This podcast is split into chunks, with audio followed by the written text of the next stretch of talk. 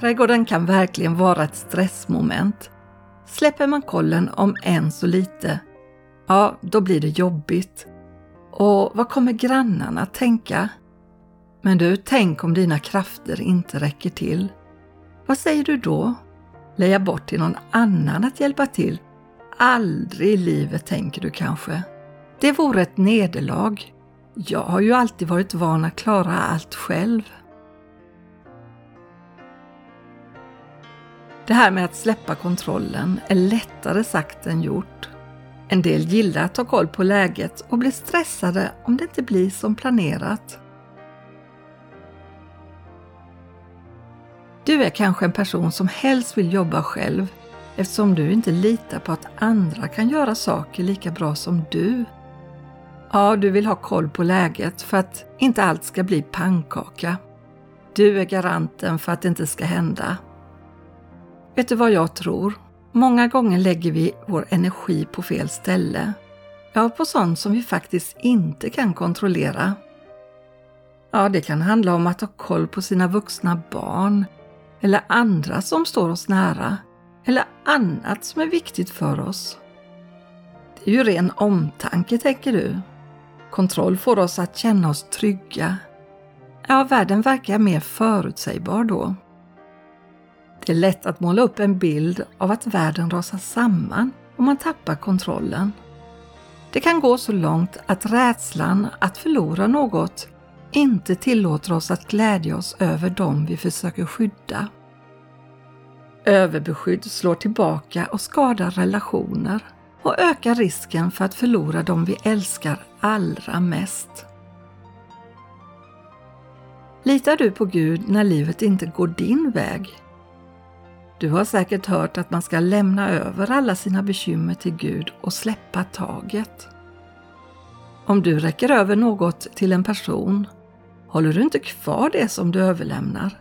Du släpper taget om det du har i dina händer. Om din bil har gått sönder står du inte och hänger över reparatören när han lagar bilen. Du litar på att reparatören kan göra sitt jobb. Men är det inte så ibland att när vi lämnar över våra bekymmer till Jesus vill vi gärna peka ut färdriktningen för honom? Ett bra tips är att låta honom även bestämma resan eftersom han känner vägen bättre än vad både du och jag gör. Jesus säger Sök först Guds rike och hans rättfärdighet så ska ni också få allt det andra. Vi pratar ofta om självförtroende. Det är bra att lita på att man klarar av att göra vissa saker.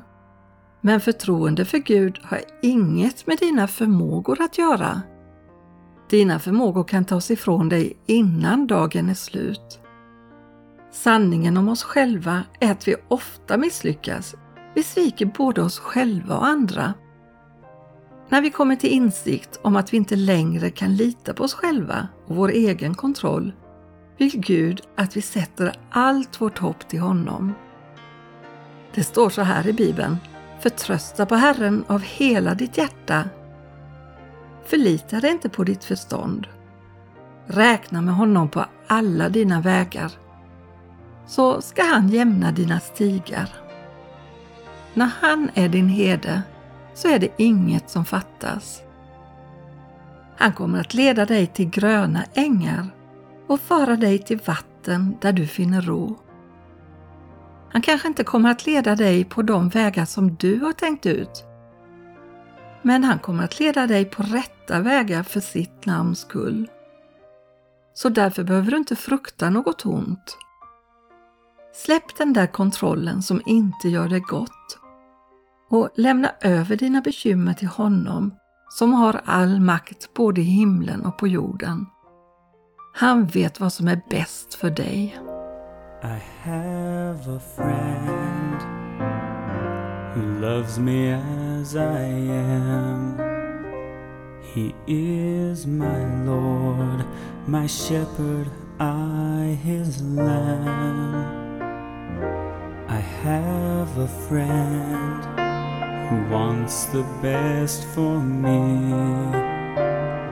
He knows my soul and sees all I can be. He came to show us how to live. He came with so much love to give.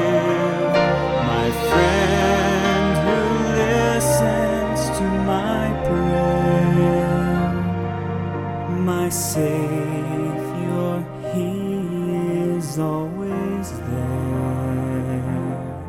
I have a friend.